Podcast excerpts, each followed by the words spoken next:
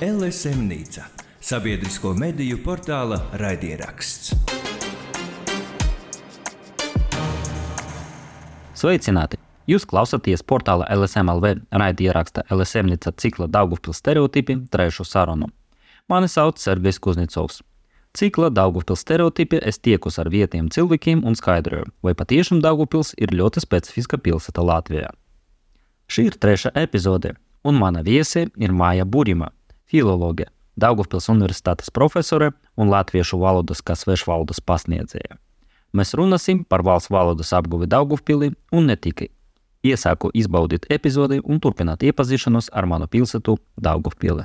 Maija, labdien! Labdien visiem! Un es domāju, ka vislabākais variants, lai Maija jūs varētu nu, pieteikt sevi paši.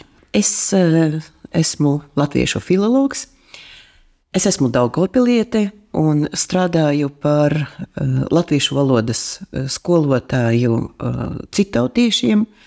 Mēs to saucam par latviešu valodas kā svešvalodas skolotāju, un es esmu arī Daugopils universitātes profesore.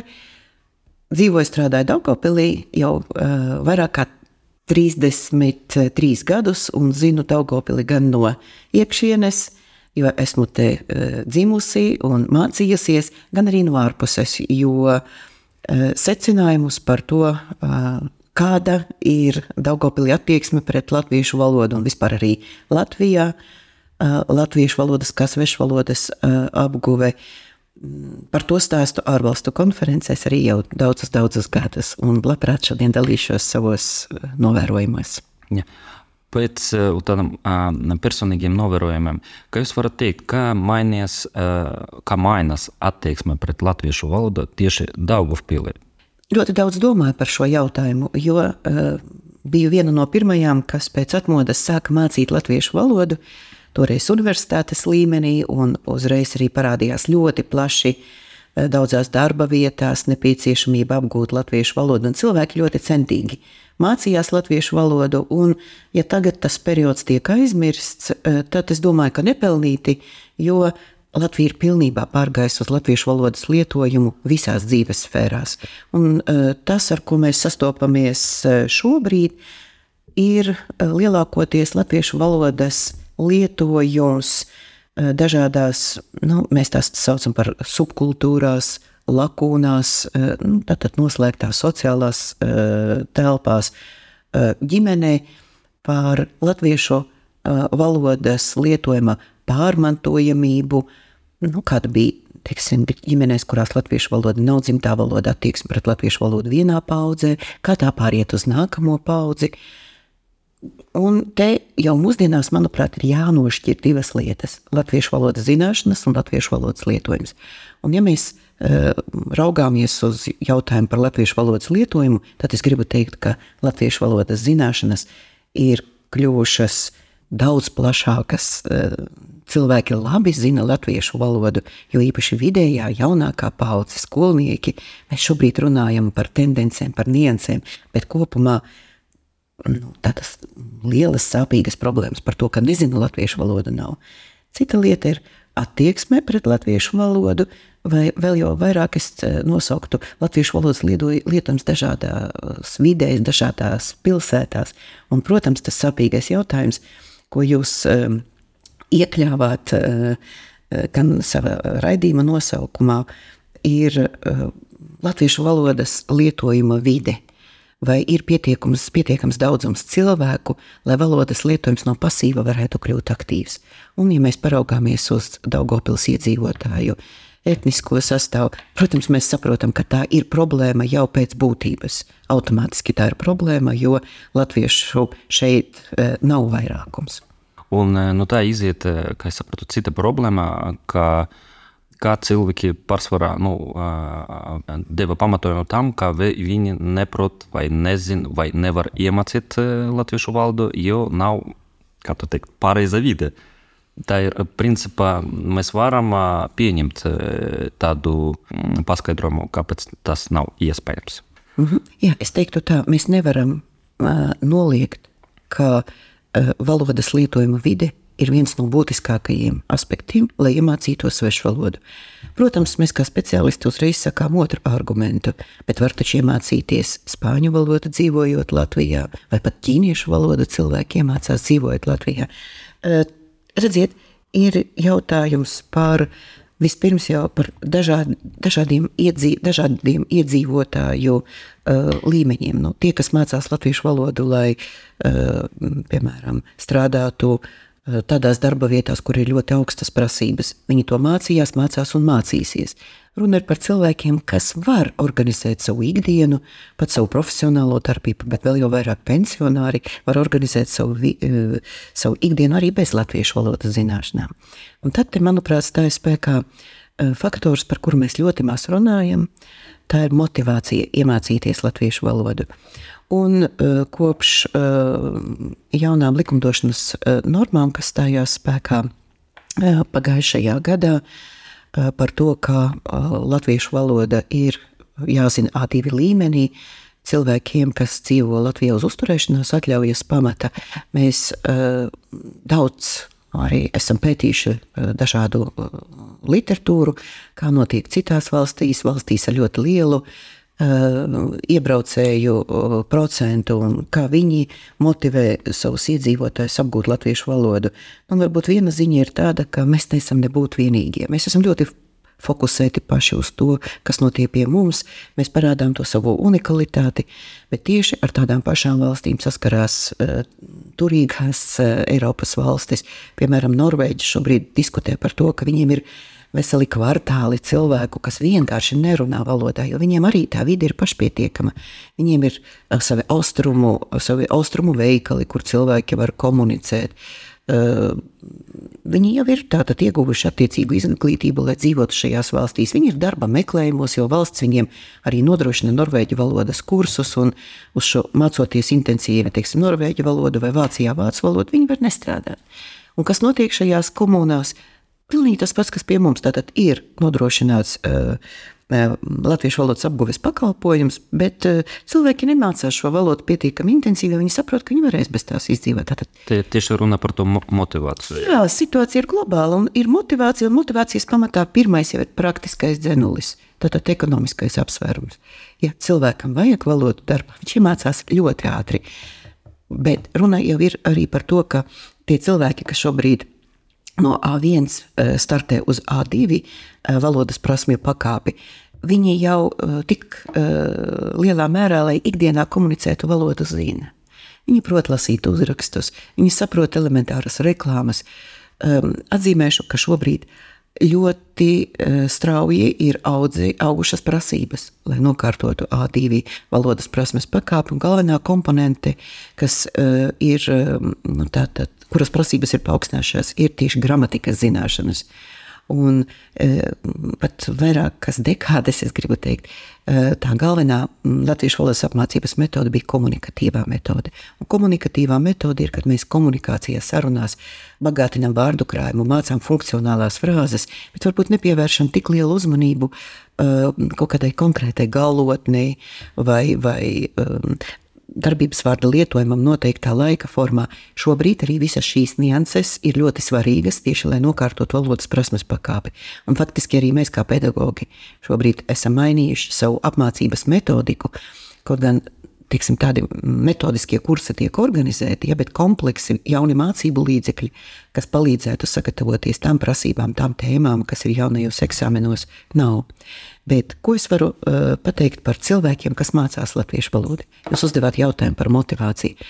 Motivācija uh, nāk kopā vēl ar vienu, uh, vēl vienu jēdzienu, kas ir attieksme. Un galvenais ir saprast, ka attieksme no abām pusēm. Gan no apmācāmā puses, uh, gan no tā, kas māca puses. Un, uh, salīdzinot teiksim, grupas, kas mācās uh, Daugopilī, Mums ir klātienes grupas, lūk, šajā klasē, mācību klasē.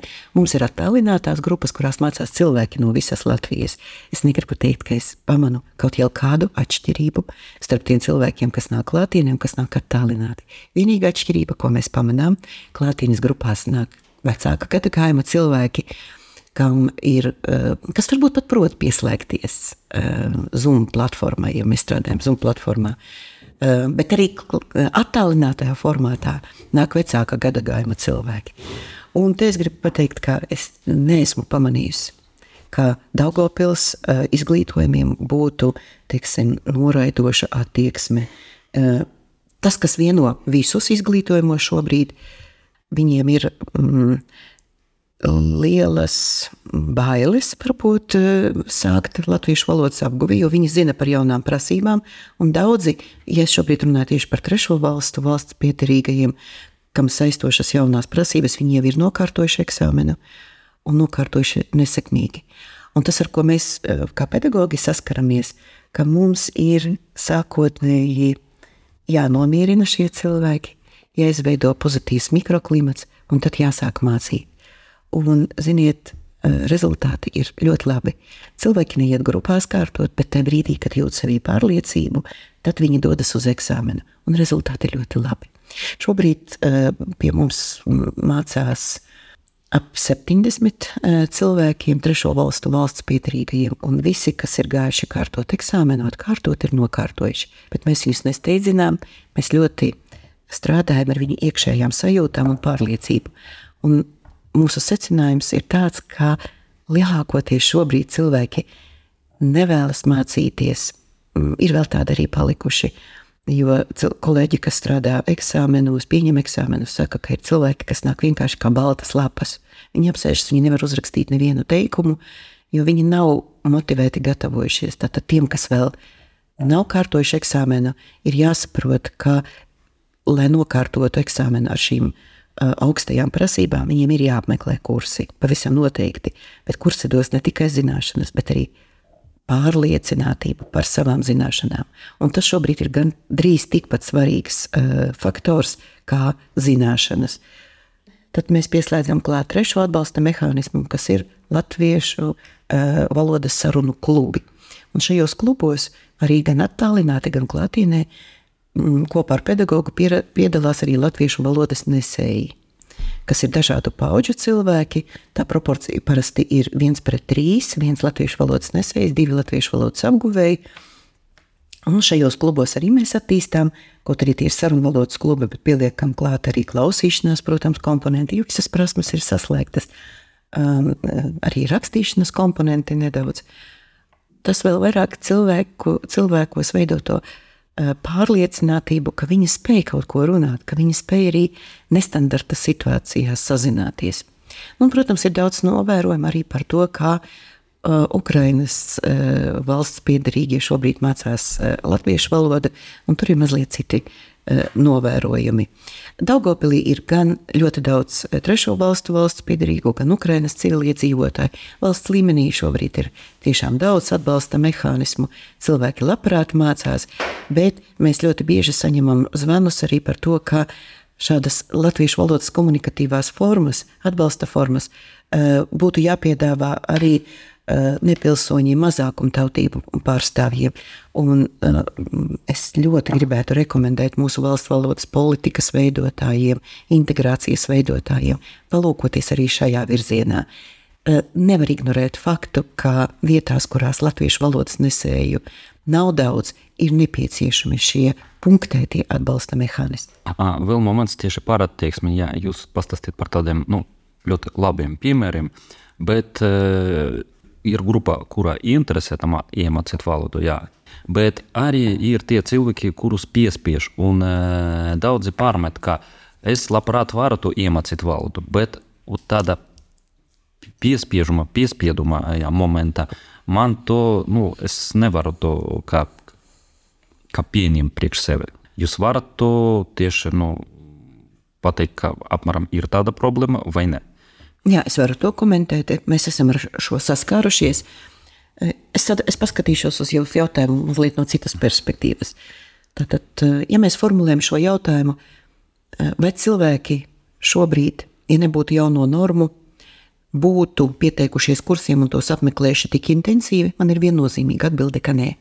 Jo līdz šim jau arī bija kursi trešo valstu valsts piedarīgajiem, un ja līdz šim mēs meklējām uh, cilvēkus, kas nāktu mācīties. Pilnīgi tā, tādas pašas programmas. tāds pats stundu apjoms, arī ar papildus dažādiem rakstīšanas klubiem, runāšanas klubiem. Tad agrāk mums bija ļoti grūti noklāpēt cilvēkus. Ļoti grūti bija motivēt cilvēkus, lai viņi pabeigtu 120 stundu kursu. Vēl grūtāk, lai viņi aizietu un nokārtotu eksāmenu un apliecinātu, ka viņi tiešām ir apguvuši valodas prasmes nākamajā zināšanu līmenī.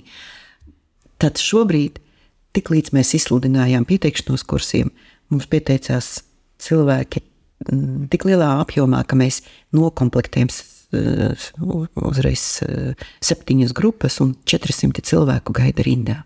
Ja mēs piedāvājam bezmaksas kursus, eh, patvērumu migrācijas un integrācijas fonda finansētos kursus, un pieprasījums pēc šādiem kursiem ir milz, milzīgi liels. Tātad, lūk, viens arguments, kā tomēr likumdošanas norma vai to, ko jūs saucat tātad par, nu, varbūt es to nesauktu par piespiešanu, jā, bet par tādu mehānismu, kur, kas nu, nepieļauj citu alternatīvu. Bet cilvēks principā saprot, ka nepieciešams šis nu, teiksim, tā, algoritms, ka viņam jāiemācās kursus, pēc tam pārbaudas eksāmens, jo ir likums, kurus jāievēro. Jā, bez šaubām.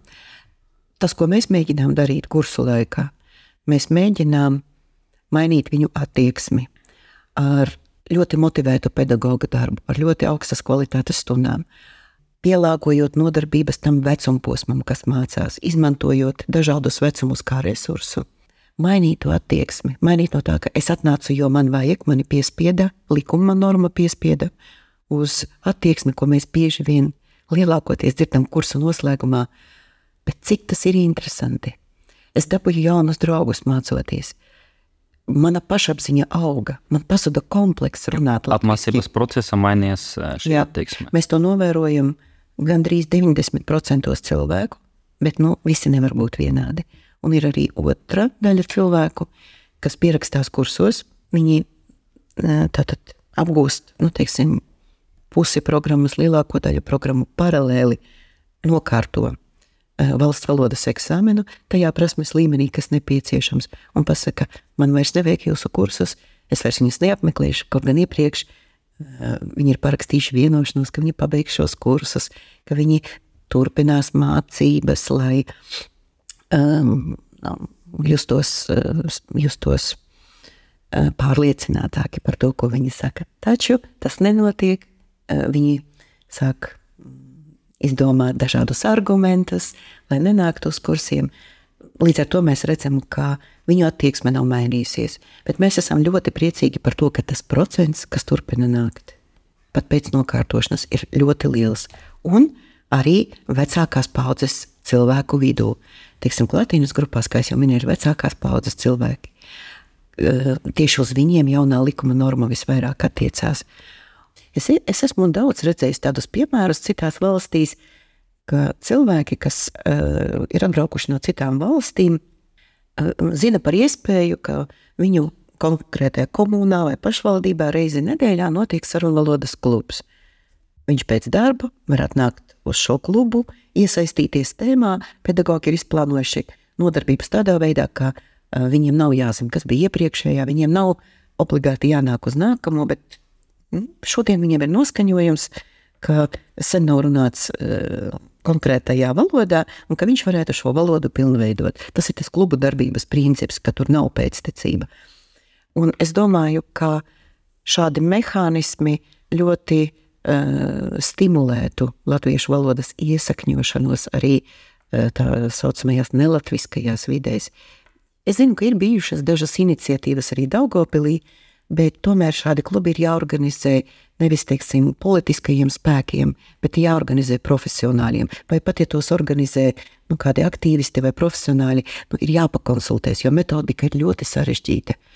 Um, metodika Latvijā vēl nav iedzīvojusies. Tāpēc, ja tas ir, ka, piemēram, atnāk, bieži vien domā, ka klubs ir tikšanās ar kādu sabiedrībā ievērojumu personību, tad tā nav. Klubā ir ļoti skaidri uh, jāzina, kādas ir funkcijas valodas nesējiem, kā viņi atbalsta tos, kas mācās, kādas ir funkcijas pedagogam, kādas ir uzaicinātajai personai, un pirms tam ir jābūt lielam sagatavošanās darbam.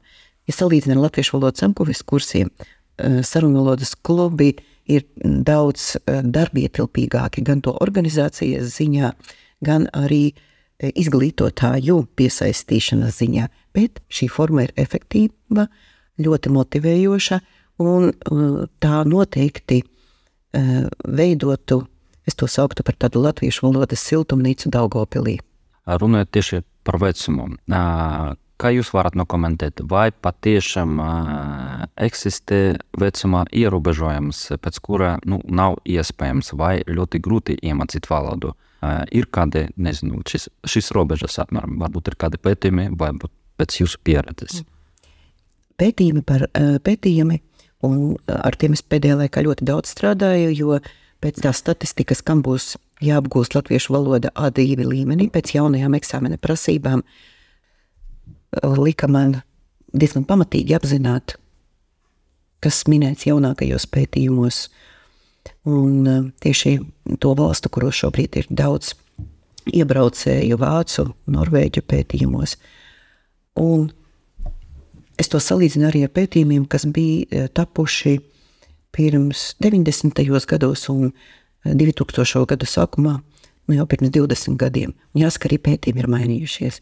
Ja agrākajos pētījumos vecums bija kā ļoti nopietns šķērslis tam, ka cilvēks var pilnvērtīgi apgūt latviešu valodu, tad jaunākie pētījumi, kas jau ir tā saucamie longitūdie pētījumi, vai desmit gadiem eh, ilgi sistemātiski veikti pētījumi, eh, liecina par to, ka vecums gandrīz nav šķērslis, lai apgūtu valodu. Jo ļoti bieži eh, mēs dzirdam no mūsu izglītojumiem, ah, es jau vecs, man jau slikta atmiņa, es nevarēšu apgūt. Tas nedarbojas, jo tieši otrādi. Valodas apguve. Mēs parasti arī cilvēkiem sakām, jūs ilgāk būsiet jauni. Valodas apguve cilvēkus zināmā mērā pasargā no, no tāda vecuma zuduma, no vecuma pienākšanas cilvēku smadzenēm. Kāpēc? Jo mācoties valodu, cilvēks ļoti e, trenē savas kognitīvās spējas, uztvert valodu, saklausīt, atpazīt pazīstamus vārdus un savā apziņā veidot nojēgumu, par ko tad varētu būt šis teksts, kurus pilnībā nesapratu, bet kādas tās no, teksta nozīmes veidojas no tiem vārdiem, ko es sapratu. Cilvēks saklausa, atkodē un pārinterpretē. Tātad notiek vienlaikus klausoties svešu tekstu, piemēram, tekstu svešvalodā. Vairākas funkcijas darbojas cilvēka apziņā. Tā ir ļoti intensīva smadziņu darbība, tā ir smadziņu trenēšana. Un tik tiešām tā uh, ir ļoti nepieciešama cilvēkiem, jo īpaši vecāka gada gājuma cilvēkiem. Un pētījumi norāda uz to, ka svešvalodu apmācība eh, vecākās paudzes cilvēkiem, senioriem, eh, ir ļoti sekmīga eh, īpaši tiem, kam ir augstākā izglītība vai pat vairākas augstākās izglītības, kas ir strādājuši profesijās, kurās visas dzīves garumā bija nepieciešama kreatīvā domāšana, ne tikai radošās specialitātes, bet arī konstruktori, inženieri, kam ikdienā bija jārisina nestandarta situācijas, jāizdomā risinājumi nestandarta uh, problēmām. Uh, nevis jāstrādā pēc šablona, bet katru reizi kaut kas jāizdomā. Šīs smadzenes ir pieradušas apgūt svešvalodas vārdus dažādās kombinācijās, dažādos laikos, gramatiskajās formās. Tu klausies LSM Nīcu, sabiedrisko mediju portāla raidierakstu. jau pagājuši 30 gadi pēc neatkarības atkušanas, bet kāpēc Daugavpilī turpina pastāvēt tāda problēma, ka daudzi cilvēki nu, nezina latviešu valodu vai zina to ļoti sliktā līmenī? Jā, mēs ar to arī sākām mūsu sarunu ar valodas lietojuma vidi. Lai valoda būtu mm, aktīvā lietojumā, tā ir jātrenē. Un, protams, tas ir arī nu, tās subkultūras, jau kā es minēju, arī eh, ģimenes tradīcijas. Ja katrā ģimenē ir izveidojies modul, modelis, kā cilvēki runā. Sāksim ar to, ka vispār pēc statistikas Latvijā nav daudz jaukto ģimeņu. Daugopilī ir jauktās ģimenes, bet arī jaukto ģimeņu vispār nav daudz. Tādu, tādu ģimeņu, kuras mēs sauktu par bilingvālajām ģimenēm. Bet arī bilingvālajās ģimenēs veidojas katrā ģimenē noteikti standarti. Un tad, ja šis standarts ir, ka ģimene komunicē krievu valodā, tad noteikti tur liela loma ir arī e, vecvecākiem, ar kuriem, ar kuriem vecākiem varbūt ir ciešāka saskare. Piemēram, viens no ģimenes locekļiem nāk no vienas pilsētas, otrs no otras pilsētas, un, ja ģimene dzīvo Daugopilī, atkal ir jāskatās, kāda bija komunikācijas valoda tajā ģimenē, no kuras uh, nāk viens no bilingvālās ģimenes locekļiem. Tad ļoti spēcīgas tradīcijas ir ģimenei. Es parasti šo, runājot par šo jautā, jautājumu, skatos arī uz vēl vienu lietu, kādus vārdus saviem bērniem dot cilvēki ģimenēs. Tas jau arī pasaka par to, kāda tradīcija tiek turpināta ģimenēs. Man reiz viena maģistrante rakstīja maģistra darbu par to, kādus vārdus pēc atmodas Daugopilī ir devuši vecāki, vecāki bērniem. Un tā hipotēze bija, ka mēs kļūstam rietumnieciskāki, mēs esam iestājušies Eiropas Savienībā, un noteikti vecāki no krievu valodīgajām ģimenēm gribēs, lai viņu bērniem ir starptautiski atpazīstami vārdi. Tāda bija hipotēze, ka vairāk būs vārdu, kas ir visās valodās - Edgars, Arturs, Oskars, Viktors. Mūsu hipotēze neapstiprinājās. Daudz vairāk ir senu uh, slāvu izcelsmes vārdu. Tādā veidā cilvēki apliecina piederību savam etnosam, uh, savai ģimenes tradīcijai un vēlas saglabāt to save, savu uh, tradīciju, savu īpatnību, nodot nākamajām paudzēm. Un tas arī izskaidro to, ka uh, Mēs varam ietekmēt valodas lietojumu sabiedriskās sfērās, bet mēs neietekmēsim, mēs neietekmējam. Tas, es teiktu, tas arī nav jādara. Ģimenes lietojums, valodas lietojums ģimenē. Un tas arī izskaidro to, ka, ja mēs skatāmies arī kādu leksiku, cilvēki labi pārvalda. Tie, kas pilnveidojas. Piemēram, mēs strādājam ar pedagogiem. Šobrīd, pārējot skolām no bilingvālās apmācības uz latviešu valodas apmācību, daudz pedagoģi saskaras ar grūtībām, jo viņiem nav latviešu valodas lietojums tik virtuos, lai šobrīd strauji varētu pārslēgties uz latviešu valodas uh, izma, uh, lietojumu ļoti augstā līmenī, C1 līmenī. Šādi pedagoģi meklē arī atbalstu kursos. Un mēs redzam, ka šie pedagoģi labi zina profesionālo leksiku, bet viņiem ir grūtības tieši ar tiem leksikas slāņiem, kas arī ienāk gan mācību stundā, gan pedagoģu savstarpējā komunikācijā, eh, kas ir saistīta ar nepedagoģiskām sfērām, ar ikdienas sadzīves, komunikācijas sfēru, profesionālajā vidē, eh, iestādēs. Un tieši šos leksikas slāņus mēs aizpildām C1 līmeņa kursos. Tieši šie leksikas slāņi arī ir visgrūtākie. Tāpēc, ka nu, ir tie tā saucamie pirmās konjugācijas darbības vārdi, kas veido mūsu sacības komunikāciju. Šie darbības vārdi ļoti mainās. Viņi mainās atkarībā no tā, kādus priedēkļus mēs pievienojam darbības vārdiem. Ar katru priedēkli pilnīgi savādāki lietvārdi ir jāpievieno šim darbības vārdam. Tas ir ļoti smalks, pedantisks darbs, tāpēc C1 līmenis ir augsts, un, un tas arī izskaidro, kāpēc pedagogs arī ir tās profesijas pārstāvis, kas ļoti prasīgs pret sevi, kas baidās kļūdīties Un pedagogi neapšaubāmi varētu būt viens no instrumentiem, kas virza latviešu valodas lietojumu sabiedrībā, bet um, uh, nespēja varbūt arī paši uh, reizēm tikt pāri šai savai psiholoģiskai nepārliecinātībai. Nu, un tad vēl viens faktors ir uh, tie, kam latviešu valoda ir dzimtā valoda, kas ir latviešu valodas nesēji, tādā vidē, kur viņi ir ļoti izteikti mazākumā, mm, jautājums par to, vai viņiem ir jāuzņemas latviešu valodas popularizētāja misija, vai viņiem ir jālieto latviešu valoda. Jo runājot ar kolēģiem, tieši vakar bija saruna ar vienu kolēģi, kas teica, nu, es, es jūtu, ka bija situācija, kurā sākām runāt krieviski, bet es pārgāju uz latviešu valodu. Es gribēju vienu frāzi pateikt latviešu valodā, bet kā pamēģināt, vai šo situāciju var pārslēgt. Un teica, mani nolamāja ļoti sliktiem vārdiem, manu attieksmi eh, pret latviešu valodu, pret, eh, la, nu, par latviešu valodas lietojumu. Viņa teica, es vairs nekad nemēģināšu. Un arī te es gribu teikt, ka nav tādu metodiku, kas šādā vidē kā mums mācītu pamatnācijas iedzīvotājus, kā viņi var uzrunāt cilvēkus, kā reaģēt, jo bez šaubām mainīsies temps.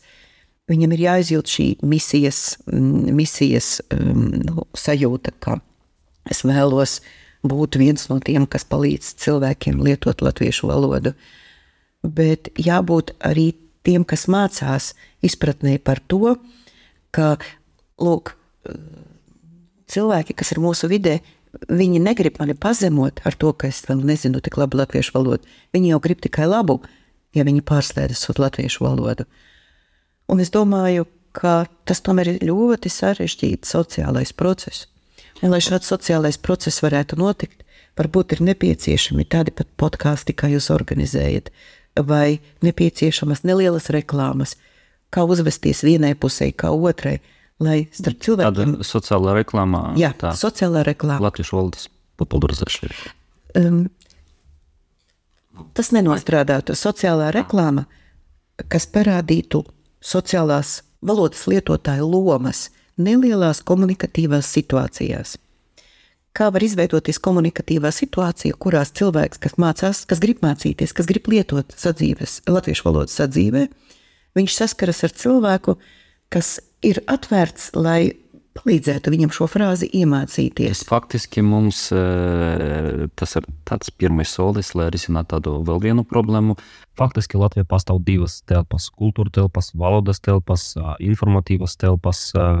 Viena telpa dzīvo krievu valodīgi, otrā latvieši, un ļoti reti tie, tie, tie krustojas kādos aspektos. Jā, es arī es domāju, ka ir ļoti labi tas dažādas integrācijas programmas, un tās nostrādā bet tas skar dažus simtus cilvēku, labākajā gadījumā. Bet tai ir jābūt tomēr valstis, valsts redzējumam, kā abas šīs informatīvās telpas pārklāt, kā satuvināt, lai tā nebūtu robeža. Šobrīd pat visās programmās ir mēs viņus uh, iekļausim, integrēsim. Un, kā jau es teicu, ja mēs runājam par latviešu valodas kursu, tie ir viņiem trešo valstu valsts piedarīgajiem un pazūd tie, kas jau ir savējie mazākumtautības.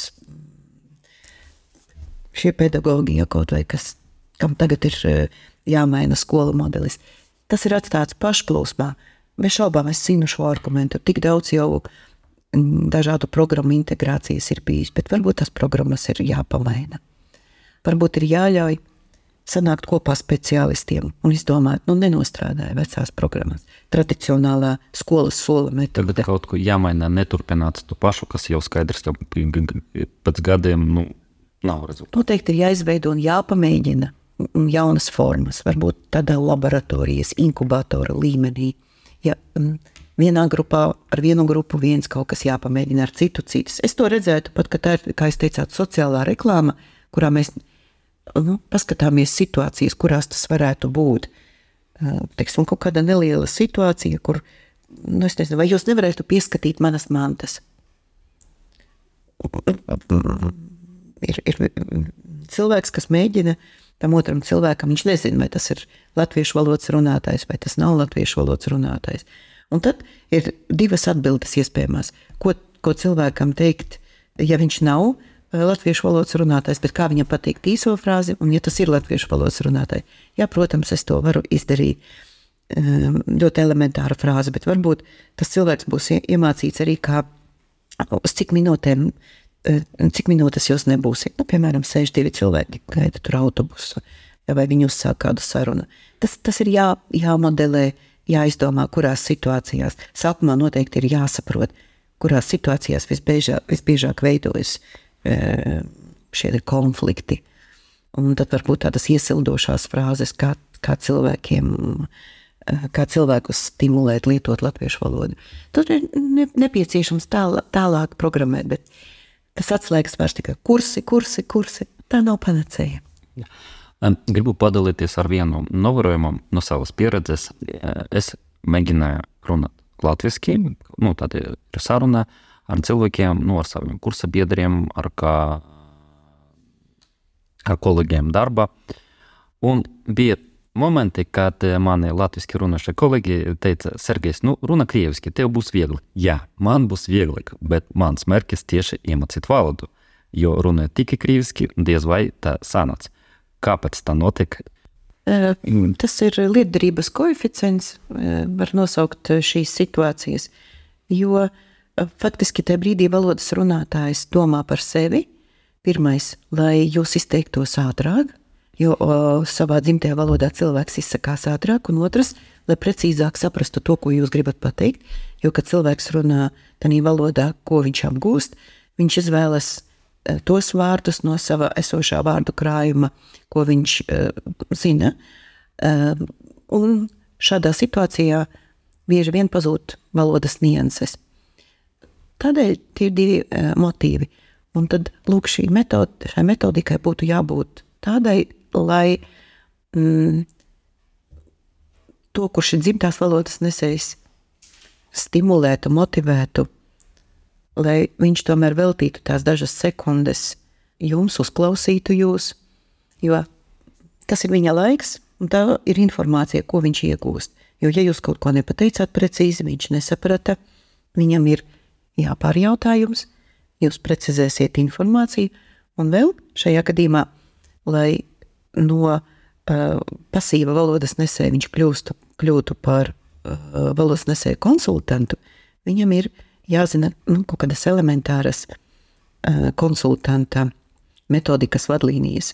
Piemēram, ja valodas nesējs pasaka kļūdu, mm, labā praksa ir tāda, ka es nepārtraucu, bet es kā pedagogs vai kā konsultants es pierakstu šo kļūdu, es ļauju cilvēkam pabeigt domu, pierakstu varbūt vēl kāds precizējums vai sinonīms, ko es gribu pateikt. Un tad es atgriežos pie tās kļūdainās vietas, es šo vietu izlaboju, vēl jau vairāk, ja es esmu pamanījis, ka tā ir sistēmiska kļūda, Es saku, zini, šajā situācijā runā šādi. Un kā piemēru pasaku vēl kādu vārdu. Bet viņam ir jāzina šīs lietas. Un kāpēc cilvēkos nereti veidojas komplekss, pat ja sākas šī atbalsta funkcija sarunā, jo visbiežāk jau mēs esam pieraduši arī ģimenēs pārtraukt bērnu, pateikt, kā pareizi jādara.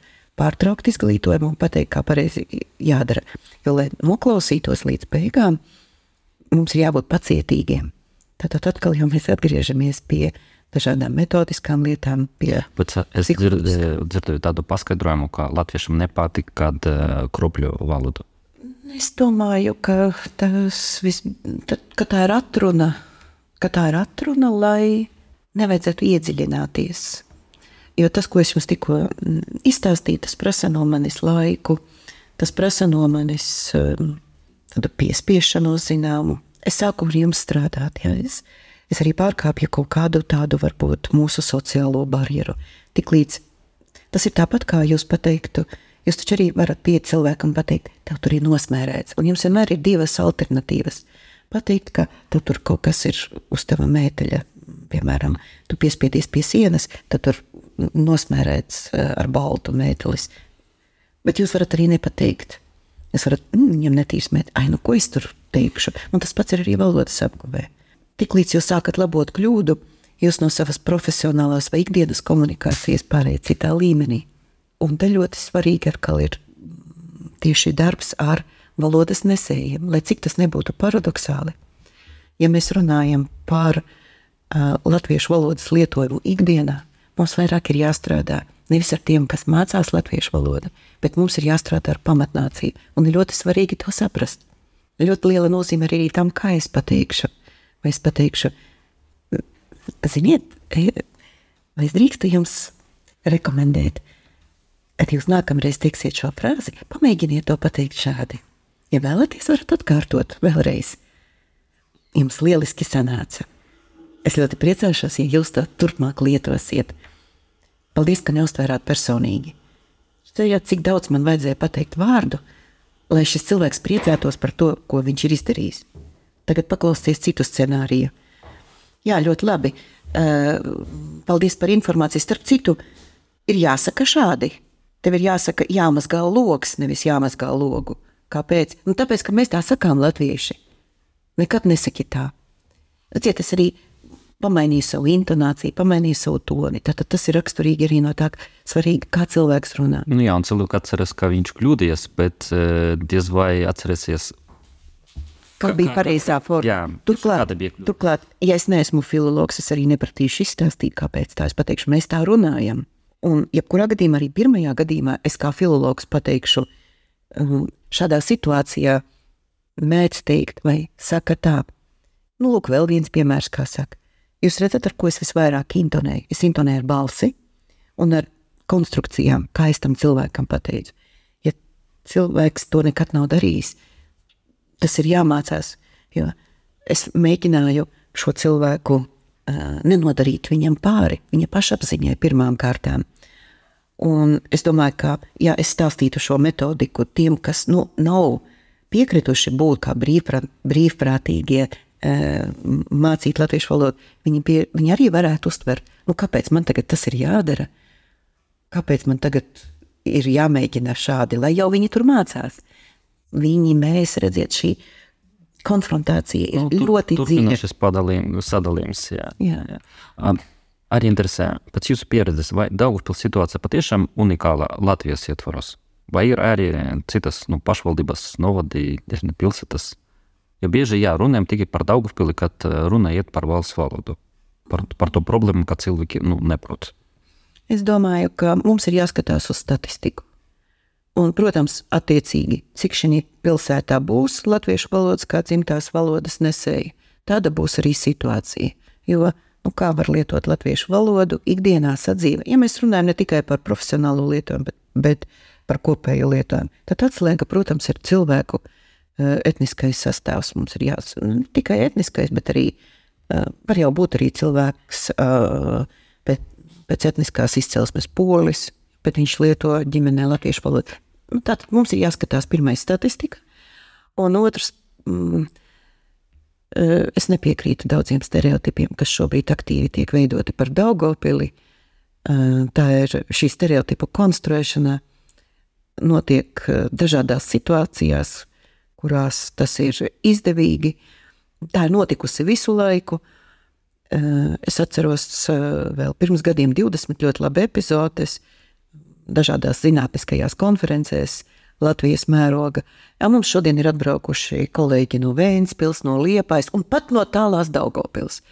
Ja, un šī mentālā kartēšana, kas ir tuvu, kas ir tāls, kas ir tālu, diemžēl pārklājas arī ar attieksmes marķējumu savējais svešai. Nu, tāda akadēmiska vide, kur nu, izglītoti cilvēki.